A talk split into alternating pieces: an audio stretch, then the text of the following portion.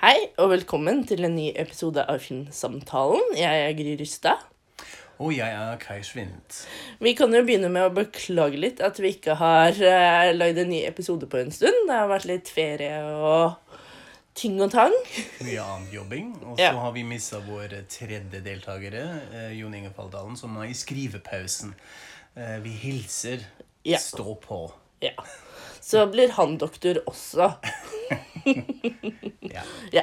I dag så tenkte vi å snakke litt om temaet skjermfilm i anledning at Oslo Fusion begynner eh, nå på Har allerede begynt. Det har allerede egentlig. begynt, ja. Mm. Vi spiller det inn, men det skjer jo i de neste dagene òg. Ja. Så det er mye å se på der. Så vi tenkte rett og slett å diskutere hva er skeiv film, hva forstår vi med skeiv film? Og kanskje snakke litt om våre eh, favoritter. Og så tenkte vi å tenkte Kai å komme med noen anbefalinger til Oslo Fusion til slutt. Så ja, Kai. Hva er det som eh, definerer skeiv film? Hvordan forstår vi hva skeiv film er?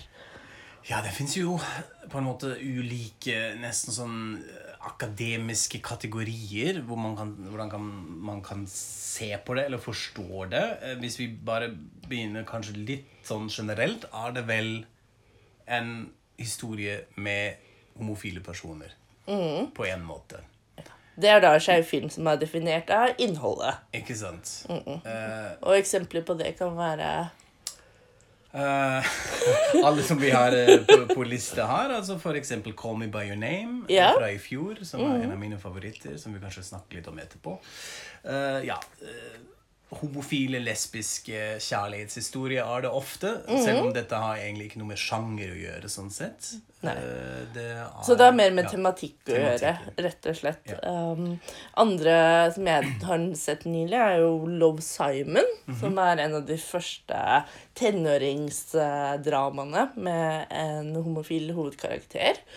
Um, og så har man jo hatt en del av disse filmene i det siste. ikke sant? Sånn Dallas Buyers Club, The Kids Are All Right altså Dette er filmer som har nådd høyt opp i Oscarsammenheng og sånn. Uh, men det som kanskje er med de, er jo at de er ganske ufarlige når det kommer til uh, formen, og de er ganske rett frem, det vi kaller klassisk Hollywood-film, Ja. ikke sant? De er ofte preget at man ja, prøver nesten å henge seg på en slags mainstream estetikk og tilnærming til historie. At man ikke vil forskrekke publikum. At det skal uh, gjøre tematikken spiselig. Se på de to søte guttene her. Uh, de er ikke farlige. Det er koselig og hyggelig, og det er akkurat en sånn eh, tenåringskjærlighetshistorie som alle andre. Ikke sant? Love Simon, Love Simon, er, er jo faktisk eh, veldig der. Altså, det er jo, han er jo veldig opptatt av Men jeg er jo ikke sånn type homofil, Ja. Mm. og veldig ufarliggjør det å være ja. homofil for det liksom store, brede amerikanske publikummet spesielt, da, Mm. tenker jeg. Eh, og jeg vil jo tro at veldig mange av disse filmene vi snakker om, i hvert fall nå, som kommer fra USA, så er jo konteksten kanskje litt annerledes, hvor man kanskje har mer motstand eh, innad i landet og i markedet, da, som disse filmene skal selges inn i, enn det kanskje er i det norske markedet. Absolutt. man har jo da, altså Vi er jo i et etisk klima nå og i et politisk klima hvor dette har på en måte en ny betydning og kanskje en ny, uh, altså en ny kontekst. Eh, hvor de da ble litt mer politisk uh, pga. nettopp dette. At de prøver å ufarliggjøre dette. Men jeg eh, tenker altså en sånn barnebrytende film fra 90-tallet, 'Beautiful Thing', en britisk film. Eh, som er, henger seg veldig på det oppskriftet. Det er en tenårings eh, kjærlighetshistorie med to gode venner som en dag overnatter hos hverandre og finner ut Da er det egentlig kanskje litt mer interesse enn bare fotball. Uh, og den er sånn sett en sånn bygd som en ja, romcom nesten. Eh, og det er et slags blueprint for den type historien som har påvirket dette. Eh, interessant nok er det mye coming out. Det er mye tenåringer. Mye litt sånn første kjærlighet og stå frem og fortelle mamma og pappa og til venner og sånt. Så, I en sånn skandinavisk kontekst er det kanskje fucking Åmål Ja. som står frem som liksom den store skeive tenåringsklassikeren her i Skandinavia. Eh, Men hvis vi går litt lenger tilbake, eller åpner begrepet litt, så er jo dette med queer cinema og uh, new Queer cinema. Queer cinema, kanskje noe annet. Altså, det er en annen vri inn, i dette der. Hvordan hadde du beskrevet dette? Uh, altså det, eh, Sånn jeg skjønte, så er det, ble dette begrepet uh, definert eller uh, skapt av en filmkritiker som heter B. Ruby Witch, som mente at queer cinema ikke kunne bare være queer når det kom eh, til innhold, men at det også måtte være det i formspråk. Altså at den måtte mm, gå utenfor eh, det normative, eh, det klassiske, for at eh, Fordi, ikke sant Sånn um, mange definerer det over queer, så handler det om å være utenfor heteronormativiteten. ikke sant? Utenfor eh, det faste samfunnet, eller det tradisjonelle samfunnet. Altså, det, det, det er en slags opposisjon, det er en slags um, Det er noe subversivt med det. Noe som skal på en måte angripe normen, eller litt sånn går under mellom normen. Og der er det jo en film av Lizzie Borden, 'Born in Flame', som kanskje er en av de første. Eh, Den kan både bli sett på som en skeiv film, i at den handler om en del eh, lesbiske kvinner, men den ble også sett på som en av liksom, de store modernistiske, feministiske verkene i filmhistorien. Så det er kanskje en av de første, og den filmen kom jo egentlig ut på 70-tallet, så lenge før man begynte å snakke om New Career Cinema, som var et begrep som oppsto sånn rundt på 90-tallet. Men man kan kanskje si at 70-tallet er et, en, øh, et tiår hvor mye av dette ble sånn sett formet, eller hvor man øh, begynte å henge seg veldig på den counterculturen som man hadde i samfunnet, altså arven av 68 osv., som da også fant veien inn i kunst med avantgarde. John Walters er kanskje en øh, representant av dette, at man har groteske karakterer, Uh, ofte litt sånn sjangerpastisjer og parodier. Ja, for hva er egentlig queer estetikk? Ja. Her er det flere avhandlinger man kan, man kan skrive. Ja, men det har jo noe altså, grotesk. Eh, nesten i en sånn barokk forstand av er et sånt stikkord som jeg tenker på når man skal beskrive dette. Altså, det er jo selvfølgelig eh, en viss sånn veldig sånn fysisk kroppslig tilnærming til karakterer. At det handler om kropp og kroppslighet, hvis dette er et ord på norsk. Eh, men ja, farger eh, Jeg tenker jo gjerne på to regissører, altså Pedro Almodovar Ja. og Todd Haynes, kanskje, som to to av de liksom store queer cinema-filmskaperne. Og spesielt sånn tidlig Almodovar. Altså det han lagde uh, Han var jo medlem av en bevegelse som heter La Movida i, i Spania, som kom egentlig som en sånn motreaksjon til Franco-regimet. Som dabber jo eh, ut eh, på slutten av 70-tallet, og som førte til en sånn gigantisk oppblomstring av motkulturen i Madrid i begynnelsen av 80-tallet. Og de, disse første Almodovar-filmene, herregud, da er det Uh, bashing og sex og alt det. Altså, dette er virkelig uh, hardcore eh, på noen områder, spesielt de kortfilmene. Men så blir det fant han jo sin egen estetikk og stil, som var veldig dominert av farger, av eh, mote. Mm. av en sånn komposisjon, en veldig gjennomført komposisjon, i tillegg til eh, de karakterene. Og da sånn etter hvert kanskje også skeive, eh, homofile kjærlighetshistorier. Men ikke nødvendigvis. Det handler kanskje mer om den groteskheten som vi nevnte i stad. Eh, hva tenker du om liksom, nyere klassikere eh, som f.eks. Moonlight? Fordi den prøver vel Altså, Tenker du på den som New Queer Cinema? Fordi den er jo ikke klassisk i formen nødvendigvis i historiefortellingen, ikke sant? men den er jo ikke spesielt sånn grotesk Nei. eller over the top eller camp. Ja. Uh, så hvordan Ja, det er veldig interessant. Det er kanskje en slags hybrid av, av dette, fordi eh, det er, er jo også det man ser fra sånn 2005 oppover, at man da har skeive filmer som henger seg mer på en slags naturalisme eller realisme, hvor man prøver å fremstille skeive karakterer, homofile karakterer, som ekte mennesker mer.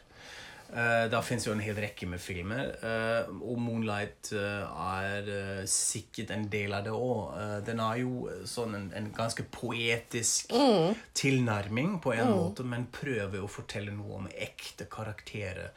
eh, pluss en sånn coming of age-historie uh, i tillegg. Så den uh, ligger vel litt i midten, da.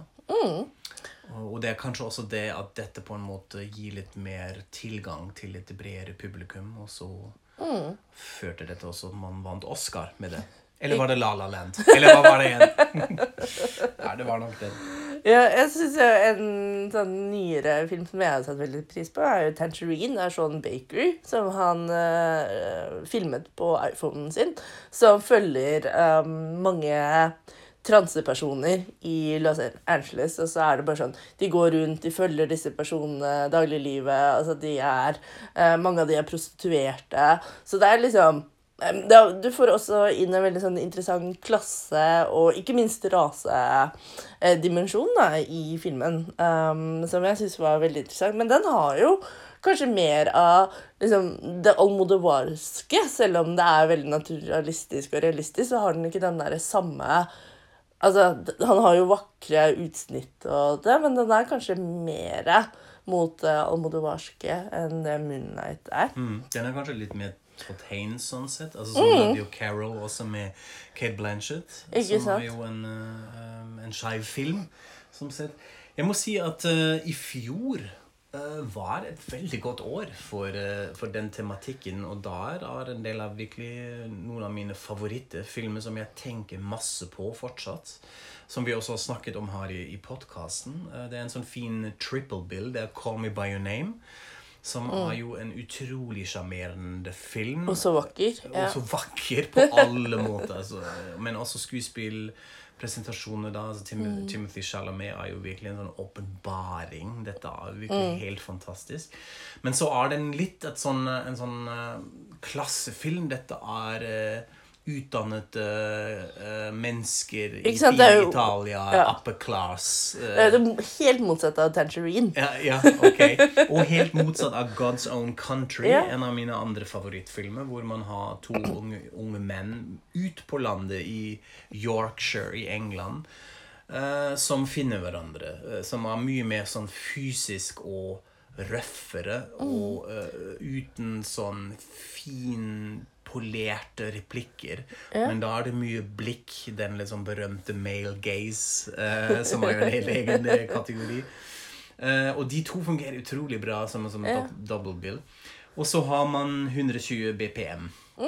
eh, Som er en annen, litt mer politisert eh, film, som forteller jo om eh, aids eh, på mm. 90-tallet i Frankrike, og om disse politiske aktivister som er et sånn interessant historisk dokument, fordi man glemmer fort hvor marginalisert eh, dette var i begynnelsen. At de sa vi er helt, dere glemmer oss, eh, vi er helt alene.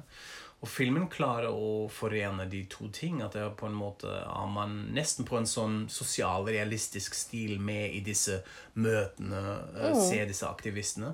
Men så, fort, så forteller den også en kjærlighetshistorie mellom to, og blir også veldig, veldig poetisk. Eh, det har vi snakket om her også, en sånn scene på dansegulv hvor det er litt sånn flytende støv i lufta, som da plutselig morfer til kanskje noe som er viruset. Eh, og med en sånn house, veldig kjent house-låt, eh, 'What About This Love', som jeg husker fra da jeg vokste opp. Så den, den, den husker jeg veldig godt, og den, de, den står til i dag for meg. eh, Og jeg tror de definerer kanskje en sånn en ny retning. En no, kanskje et nytt alvor innenfor den sjangeren. Jeg vet ikke om man kan si det. Altså, det er ikke så tullete.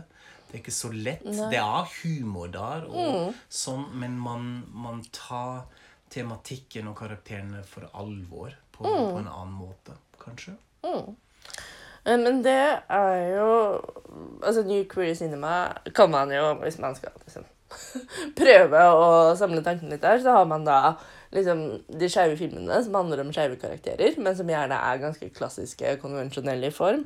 Og så har man da New Queer Cinema, som kanskje nesten kan ses mer som en subsjanger eller sjanger. Eh, men det jeg kanskje, som jeg kanskje alltid har blitt mest fascinert av, er jo den derre subversive, skeive lesningen hvor man leser eh, helt streite filmer eh, som uh, skeive. Um, Vulture, for eksempel, hadde akkurat en kjempemorsom kåring av uh, De rangerte alle Marvel-filmene fra minst til mest queer. ok, Hva kom ut på toppen? Uh, det var selvsagt Winter Soldier. Captain America Winter Soldier. for det jeg skjønte da jeg leste disse artiklene, er jo at veldig mange leser um, mye inn i forholdet mellom Captain America og Bucky, da, som er liksom mhm. bestekompisen hans. Um, og ser dette som en kjærlighetshistorie. Så det blir rett og slett lest som en uh, homofil kjærlighetshistorie. Og så var det jo selvsagt Thor. Thor er jo kanskje mhm. mer hvis man snakker om liksom queer estetikk, så er han jo liksom perfekt inni det. Det er liksom barokt, det er overdrevet. Det blir ganske liksom nesten litt teit. Veldig mye humor, ja. veldig campy. Ja, camp ikke ja. en annen sånn eh, kategori, egentlig. Ikke sant? Så det blir en annen type subversiv mm. lesning av dette her. Og det, som en liten ting, det er litt interessant som, altså Man har jo hatt det i, i graphic novel-sjangeren lenge, at man prøver å finne sånn gay subtext. Altså, hva er dette med Batman og Robin og sånn? Og jeg lurer på hvorfor det er. Har det noe med denne kroppsligheten å gjøre? Har man er det fordi man har muskuløse, idealiserte mannekropper ofte, mm. som triggerer et eller annet sånn subtekst. At man tenker ja, Er det noe mer her i disse spandex-dressene? Ja. Og så tror jeg kanskje at det, det er nok både det liksom kroppslige, altså spesielt hvis det går over i det litt campy, at mm. det åpner veldig for den type lesning. Men jeg tror også det har noe med uh, altså Vi kaller det jo ofte slash fiction. Mm -hmm. Når man studerer fans, så er det jo at man fansen selv uh, skaper yeah. historier, homofile, lesbiske historier. Uh, og det har nok også noe med at inntil for ikke så veldig lenge siden så var det veldig få av disse historiene eh, på film og TV. Eller det var i hvert fall veldig mye færre av de. Sånn at man kanskje måtte lese dette inn og finne sine egne historier. Jeg tenkte, Men en av mine sånn, favoritter på slash fiction er jo fra serien Supernatural, eh, som handler om tro brødre som reiser rundt og dreper demoner. De er brødre. Ja. og likevel så leses det en ganske heftig liksom, skeiv kontekst, eh, subtekst inn i denne serien. Og, og da fins jo også en nesten ja, hva skal man kalle det, en sånn skandale innenfor eh, dette. Nemlig det som skjedde med serien Sherlock Holmes. Eh, ja. Med mm. Benedict Cumberbatch og Martin Freeman, som hadde jo sin egen fanfiction som da har til slutt påvirket hele serien, også forhold mellom serieskaperne og fans. Hvor man var så keen på å lese et homofil uh, kjærlighet inn i forholdet. Mm. Hvor serieskaperne først har liksom lekte litt med det. Kanskje, kanskje ikke. Vi får mm. se, kanskje vi, vi får se hva som skjer neste sesong. Uh, men etter hvert litt sånn avfeier det totalt og blir rett og slett fornærmet. Og gikk ut og fornærmet fansen selv. Uh, og så var det en sånn splittelse mellom uh, um, Benedict Cumberbatch og Martin Freeman. Uh, de har jo blitt sånne uvenner.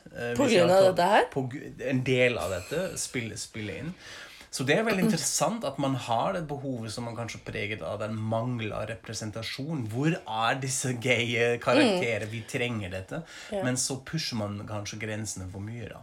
Ja. Og så tror jeg også at um det, dette med slash fiction og disse subversive lesningene altså Selvsagt så skjer det i uh, enkeltstående filmer også, men man ser jo spesielt dette med slash fiction Det er jo veldig vanlig i TV-serier. Mm, og kanskje serialiserte filmer, sånn som Captain America, som finnes i mange plattformer, og det er veldig mange historier om Captain America. Så det har nok også noe med at det er lettere å lese disse tingene inn i lengre fortellinger. Mm -hmm. da. Uh, tror jeg, en, i bare en sånn enkeltstående film ja. eh, som man ser, og så forsvinner den litt. Ja, at man er litt opptatt av den serialiteten, da, at det er noe som utvikles over tid. Mm. Eh, det er spennende hva som skjer med karakterer, og det kan gå begge veier. og hva, hva skjer. Ikke sant? sånn. Man kan lese mye mer subtekst. Ja, ja, og, absolutt. Og sånn. Jeg har også lest veldig raunchy fanfiction om Ringenes herre. Herregud, Frodo og Sam, de må være med i mye Ja, det vil jeg tro. Eh, hva, hva heter pornoversjonen av det, Kai?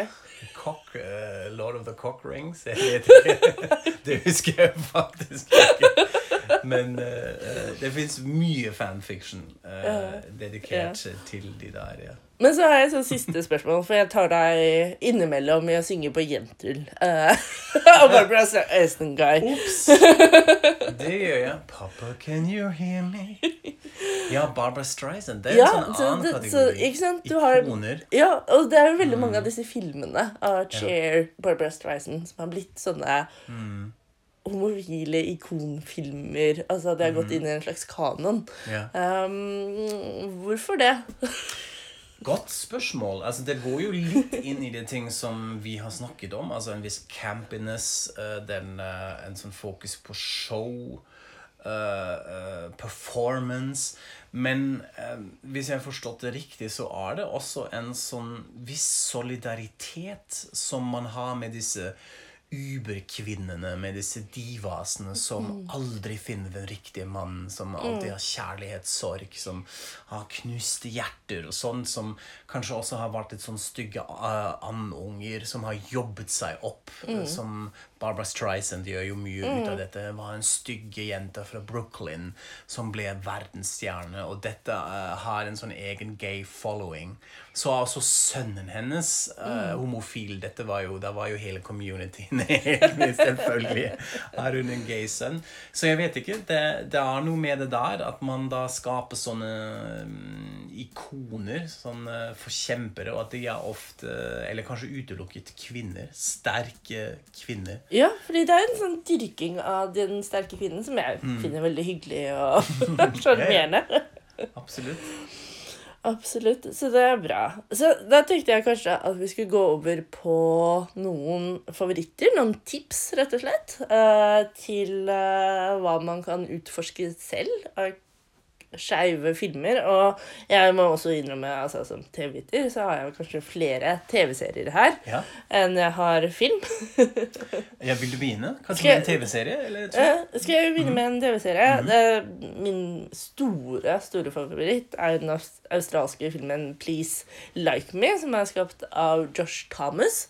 Um, det handler om hans liv som um, tidlig i 20-årene student eh, i Melbourne, Australia, tror jeg. Eh, Hvor han bor sammen med vennene sine. Og så eh, hele, hele serien begynner da med at han er på date med kjæresten sin, og så slår hun opp med han. Fordi, som hun sier, du er homo. Hun, hun vet det, ikke han. Ja, akkurat. og så handler det liksom om at han prøver og feiler med romanser, og så er det egentlig sånn vennedramedy. Uh, den tar også opp mye mental helse og andre typer spørsmål, men utrolig morsom. Utrolig sjarmerende. Uh, er den eneste serien som har fått meg til å begynne å grine og hyle samtidig, så det er jo ganske utrolig. Så den opp anbefaler jeg absolutt. Den er på Netflix. Så handler den jo også veldig mye om mat. Er ikke det Ja. en sånn fin bonus? At Jo. det er mye matlaging i serien? Sånn. Ja, en av de beste episodene. Jeg skal ikke um, spoile helt hva som skjer, men de har en høne som de kaller Beyoncé. Uh, og det er en helt utrolig vakker liten episode der eh, som handler om eh, slutten til Beyoncé. Eh, eh, kanskje min andre så, favoritt som har vært over lengre tid, det er jo RuPaul's Drag Race. Altså, jeg okay. elsker RuPaul's Drag Race. Det er helt herlig. Og serien vant akkurat en Emmy for beste realityshow, så gratulerer. Det var vel fortjent og på tide. Det her er jo RuPaul's Drag Race er jo bare en helt fantastisk serie. Det er en blanding av Top Model, eh, av um, America's Got Talent og Project Runway. Eh, hvor det da er med transer transer og drag queens. Det er helt magisk. Hvor de da må konkurrere i forskjellige ting, som å eh, spille i super Ja, dette her ville definitivt vært veldig sånn queer. Eh, såpeserier, de må gjøre standup, de må lage sine egne kostymer. Uh, og så serien De er jo bare helt herlige. Det er jo en sånn ting, har jeg skjønt, blant drag queens, at eh, man skal, må være veldig gode på å read Altså at man skal lese hverandre. Så det er utrolig masse kule one-linere, og de er veldig sånn sarkastiske og tøffe og sassy, men også utrolig sjarmerende og følsomme. Så det er også en serie som er på Netflix. Og hvis man ikke har sett den, så er glad i reality, så er dette definitivt noe av det beste man kan se på. Det er kanskje også noe som egner seg veldig å se sammen med venner og ha sånne fester, eh, vil jeg tro. Absolutt, Ikke sant? Man absolutt. Kan, eh, Det var i kan se det i Ja. drag, kanskje. Da jeg var i USA, så tror jeg ofte på barer og så det samme med kompiser. Ja. Uh, og det var kjempegøy, og folk var skikkelig med og heia, og det var kjempegøy. Det er fint. Eh, så det er ganske vanlig i USA at man faktisk gjør, så det er gøy. Har du noen anbefalinger? Ja, altså mine, mine favoritter har jeg nå eh, brukt litt opp allerede. Uh, Call Me By Your Name, God's Own Country, 120 BPM syns jeg er virkelig eh, veldig, veldig verdt å se. Men så har jeg en film som eh, er fra 2012, eh, som er litt i samme sjangeren som f.eks. Weekend, eh, eller en litt mer sånn naturalistisk tilnærming til dette, som heter The Comedian. er en britisk regissør som heter Tom Sklonik. Og den forteller en eh, historie av en mann i begynnelsen av 30-årene som jobber på et call center. Som er helt forferdelig. En fantastisk sekvens hvor han sier opp jobben. Hvor han ikke orker lenger, hvor han kjefter på uh, sjefen sin og bare går ut. Og han jobber som standup-komiker, så man er litt i den London standup-scenen. Og han møter på en buss på vei hjem en ung fyr. Og de to uh, forelsker seg i hverandre, eller har et, eh, en sånn affære. Uh, og den Jeg er jo veldig interessert i denne uh, humorkonteksten. Altså denne, jeg trodde det var en film som kanskje forteller mest om denne comedy-scenen i London, men så blir man så revet med, mest på grunn av den uh, fantastiske skuespillpresentasjonen av de to hovedskuespillerne. Dette er en nesten naturalistisk, dokumentarisk eh, skuespill hvor, hvor, du, hvor du ikke ser at folk spiller. Du ser ikke at folk er ekte. Eh, og da var jeg også helt satt ut og grinet og var helt med. Selv om den er ikke sånn melodram, egentlig. Den er veldig sånn lo-fi. Men den anbefaler jeg hvis man har lyst på den type skjevefilm. The, the Comedian.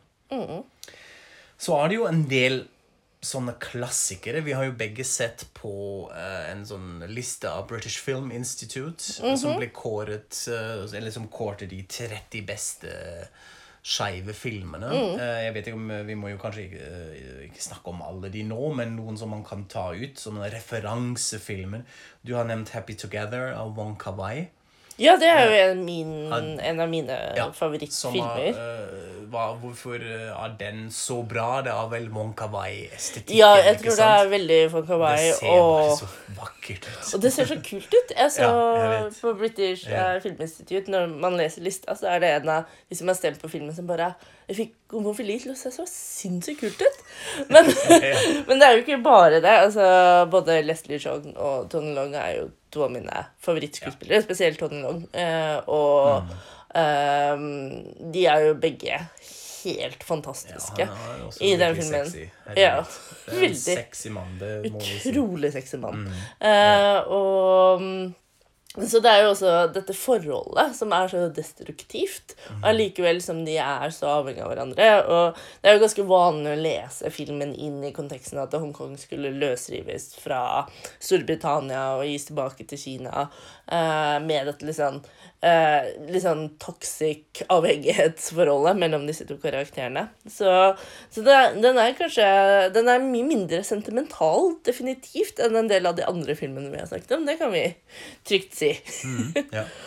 Eh, Da kan vi kanskje snakke litt om eh, eh, kanskje noen av de mest mainstream representanter eh, av dette, nemlig Brokeback Mountain. Ja, som er på femteplass. Femteplass fra 2005. Um, Ang Lee, regissør. En sånn merkelig bl blanding av eh, foran og bak kamera. Eh, en sånn sett utmerket eh, skuespillpresentasjon av Heath Ledger og Jake Gyllenhaal. Absolutt. Jeg har merkelig nok aldri litt sånn synka helt med, med filmen. Uh, og det har sikkert mye å gjøre med et sånn filmatisk grep som jeg syns er alltid problematisk, nemlig når du har karakterer som skal bli eldre, som spilles av samme Mm. Ja. skuespiller, og da ser du prosthetics og Mm. maske og hår uh, og alt dette der. Og da, det tok meg ut. Mm. Men så er det jo sekvensene i teltet og en Ja. sånn ref eh, Veldig sånn ja, Hva skal vi kalle det? Ærlig begjær. Altså en fremstilling av det som, som kanskje gjorde mest inntrykk. Mm, jeg er enig. Jeg husker Det jeg husker fra filmen, er vel kanskje den første tredjedelen. Og så husker jeg ikke så veldig Nei. mye annet. Ja, det er de fleste vet, som, som har det sånt, ja. Ja. Og så er det jo da uh, Weekend, som er på andreplass. Den har jeg ikke sett, men det Ja. har du. Ja, den har jeg, har jeg nevnt nå. Eh, Den, den har nettopp denne stilen. Det er to menn som møtes. Eh, og egentlig skal ha en sånn one night stand og en sånn fling, men så finner du ut dette herregud, er jo egentlig mer. Mm. Her skal jo skje mer, men så må den ene reise bort. Så de har ikke mye tid sammen. Eh, så da har man også eh, paralleller av uh, noe som alle kan relatere seg til. eh, som skjer jo med alle, men samtidig også en sånn viss homofil vri. At her er det noe som ikke kan bli til noe. Eh, som man har en sånn Som en fin metafor på det. Uh, samtidig som dette er igjen også en veldig sånn naturalistisk, grounded skuespill. Veldig fin film. Ja. Og så er det da Carol, Uh, Ja. som uh, gikk av med førsteplassen. Uh, jeg syns jo det er en utrolig vakker og nydelig og tragisk mm. film. Um, også det jeg kanskje syns er mest interessant med den, som jeg også har innsett når vi har snakket om det, så har vi jo snakket om veldig mye homofili og homofile menn, og veldig lite om lesbiske filmer. Og jeg tror det har noe med at det ikke er så mange av de. Altså, der er det fremdeles eh, et underskudd på representasjon for lesbiske, helt klart. Ja, også eh, lesbiske filmrepresentasjoner som ikke er preget av den hetero-male gazen. Ah, deilig to kvinner som kysser. Det Ja. kan vi se i masse Ja, mainstream-filmer òg. Blue is the warmest color ble jo veldig kritisert for det, husker Ja, jeg. absolutt. Så det er litt unikt med det der.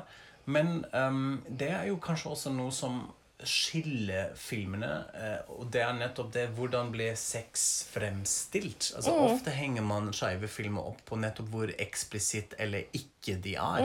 Det var jo en diskusjon rundt 'Call Me By Your Name'. Eh, en del kritikk hvor man sa at dette er ikke så eksplisitt. Hvorfor er det ikke?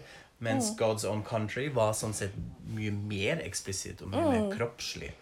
Og trenger vi det, eller trenger vi det ikke? Så det er også litt sånn interessant å spore dette gjennom disse skeive filmene. Uh, og, men det å vise det og visualisere det det- Jeg skjønner altså det behovet for det. Altså, det er jo mange som har påpekt at uh, Cam og Mitchell i Modern Family De tar jo aldri på hverandre. Nei. De kysser aldri. Nei, de er veldig aseksuelle.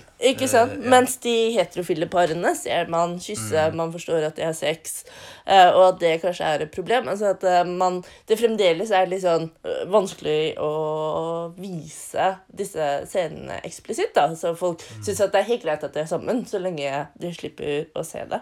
Hvor man har denne faren at man går tilbake til denne eh, comic relief. Den morsomme, litt rare homofile karakteren. Eh, Han kan tulle litt og gjøre litt rare ting, men uh, vi skal alltid, alltid se at dette er det ekte mennesket med, som er fysisk og har sex og sånt. Men eh, ja, apropos representasjoner av lesbiske, så må jeg nesten nevne, som jeg allerede vel har snakket om på denne podkasten, nemlig 'Killing Eve'. Eh, som er denne britiske spionserien med Sandra Oh. Uh, som begynner som en spionserie, og så ender den vel mer eller mindre opp i en ganske sånn kinky kjærlighetshistorie. Mm, jeg er veldig spent. Jeg har ikke sett den. Den går jo uh, godt nå. Ja, den, nå. den er på HBO, så den Ja. er det bare å se. Jeg, tror det er, det er ganske få episoder òg. Kjempe, kjempebra. Ja. Uh, en av årets beste serier, spør du meg. Veldig bra. er Minner meg litt om eh, London Spy Ja. eh, med Ben Wishaw i hovedrollen, Mm. som merkelig nok prøver å kombinere litt sånn av det samme. Eh, det er også en affære, en homofil affære, som da utvikler seg til noe mer, nemlig i en spionasjehistorie. Mm. Så hvorfor fungerer denne koblingen så bra? Det er jo hemmelige. Hemmelighet, skjult uh, ting, hemmelige identiteter, ikke sant? Sånne ting. Eh, ja, men det høres ut som Killing Eve var kanskje litt mer sofistikert og litt uh, smartere enn uh, Ja, altså den er jo skrevet av Phoebe Waller-Bridge, Ja. Mm. som er kjempetalentfull. Siste serien hennes var Fleabag, som jeg kanskje syns ble litt for mye, men jeg syns fremdeles det er Altså, hun er jo en eminent manusforfatter, så den er jo verdt å se det Mm. bare for det. Og så er eh, kjempegode skuespillerprestasjoner eh, gjennom hele linja. Men ja, Kai, eh, det er noe av det man kan kanskje se på nettet. Men hvis man er i Oslo, så kan man jo også ta seg en tur ut og dra på Oslo Fusion. Og Har du noen anbefalinger der? Eh, absolutt. Eh, egentlig av de fra alle de sjangrene og kategoriene vi har snakket om. De filmene som jeg har sett eh, på programmet her, og som jeg også prøver å få med meg selv. Eh, vi kan jo kanskje begynne med dokumentarfilmer som går på Oslo Fusion, som går litt inn i dette som vi var med snakka om nå, med disse ikonske eh, kvinnefigurer. En dokumentar om Whitney Houston. Ah, Eh, uh, Whitney. Uh, og da fins jo to. Det er en film som kom ut uh, to-tre år siden. Men så er det en til som har hatt ganske unik tilgang til venner og familie av Whitney Houston, og som eh, fra det jeg har sett, har kanskje en sånn lignende effekt som Amy Winehouse-dokumentaren. At man Ja. blir veldig rørt og veldig dratt inn i den knuste karakteren som Whitney Houston antageligvis var. Uh, Så har man en uh, biografifilm om Robert Mapplethorpe, som jeg personlig syns er litt problematisk som fotograf. Jeg syns ikke at det er så fint hva han gjorde, men det er en spennende, spennende person. Og en dokumentar om Alexander McQueen, altså kunstneren og motedesigneren. Eh, og da har man jo også en sånn queer fashion-ikon eh, som har litt sånn både jobbet mm, imot og med dette, med, med det imaget sånn, som jeg tror er ganske interessant eh, å se på. Eh, Ellers er det et veldig variert eh, program. Oslo Fusion er jo eh, alltid litt ballsy at de viser ordentlig porno, rett og slett. I i Pornorama eh, kortfilmkolleksjon. Da blir det Ja. Best of Porn. Oi! Så det er litt sånn spesielle kvelder, hvis Ja. man har lyst, lyst på dette. Litt kurert, kuratert. Kuratert porno. Spørs om vi trenger det, men hvorfor ikke? Så det kan man også få der.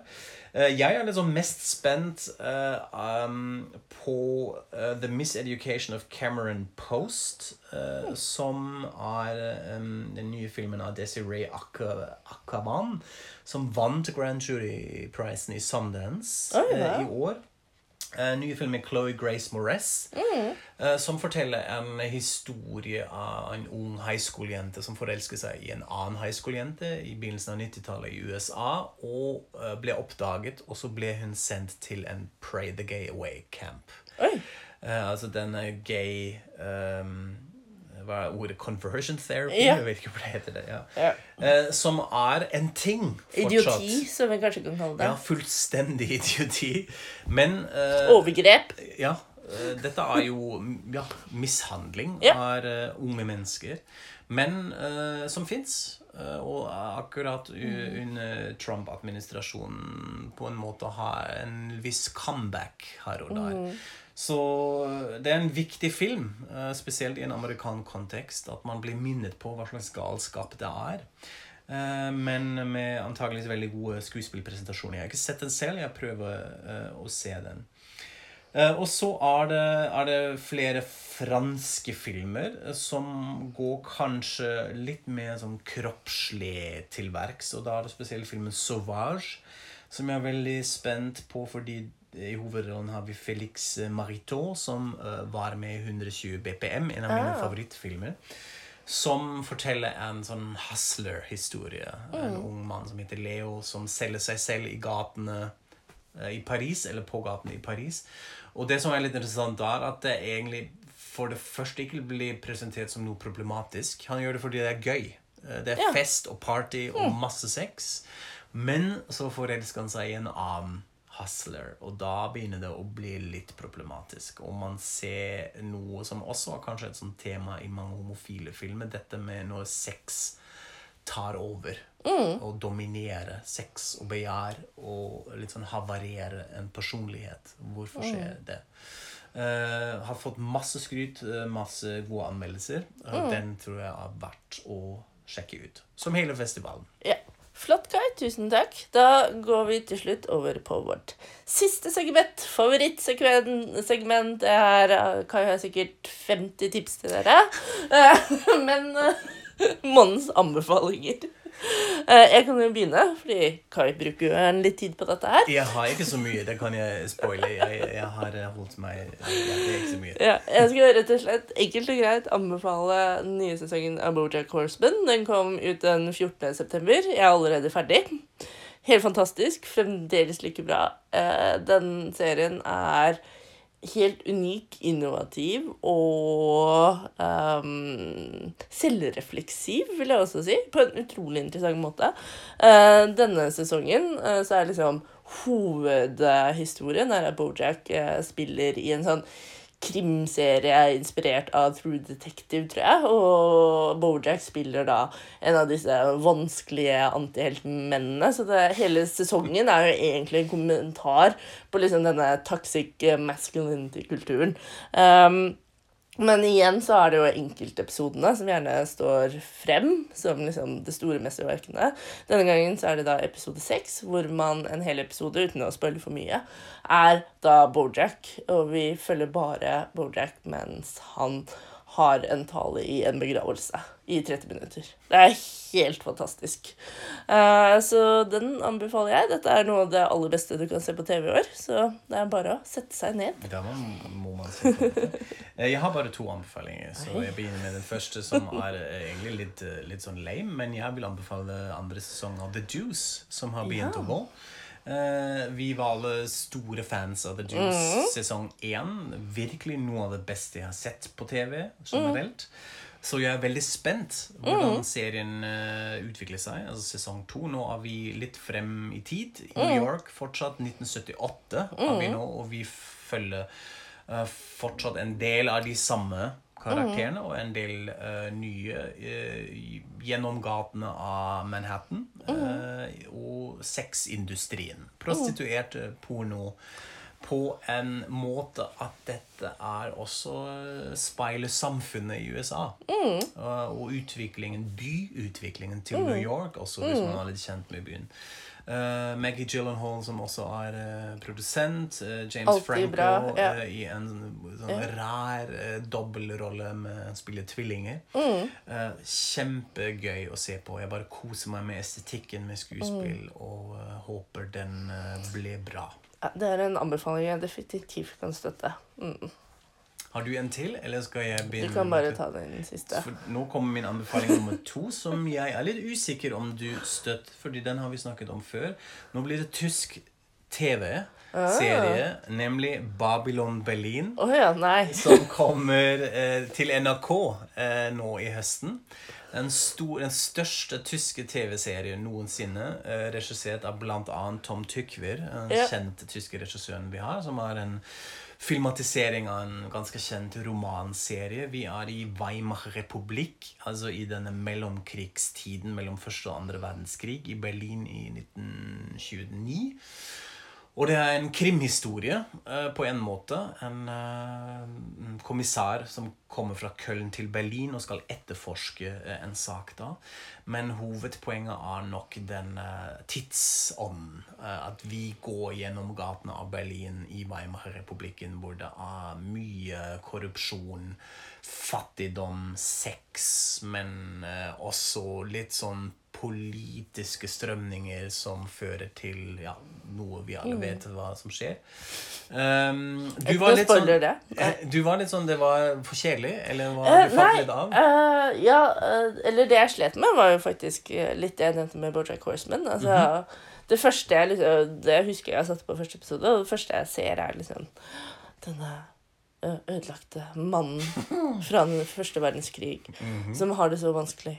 Og han er så kompleks. så Så jeg tror jeg bare Jeg bare Å nei, jeg orker ikke enda en sånn mannlig okay. Men da vil jeg si eh, Da falt du av litt for tidlig, fordi Ja. du får en fantastisk kvinnelig hovedperson etter hvert. Aha. Charlotte Ritter, en Mm. sånn uh, kriminalassistent som klarer å uh, vrigle seg inn uh, i hele systemet og spille en veldig avgjørende rolle uh, etter hvert. Serien har også en av de mest grusomme drukningsscener som jeg har sett eh, i andre sesongen.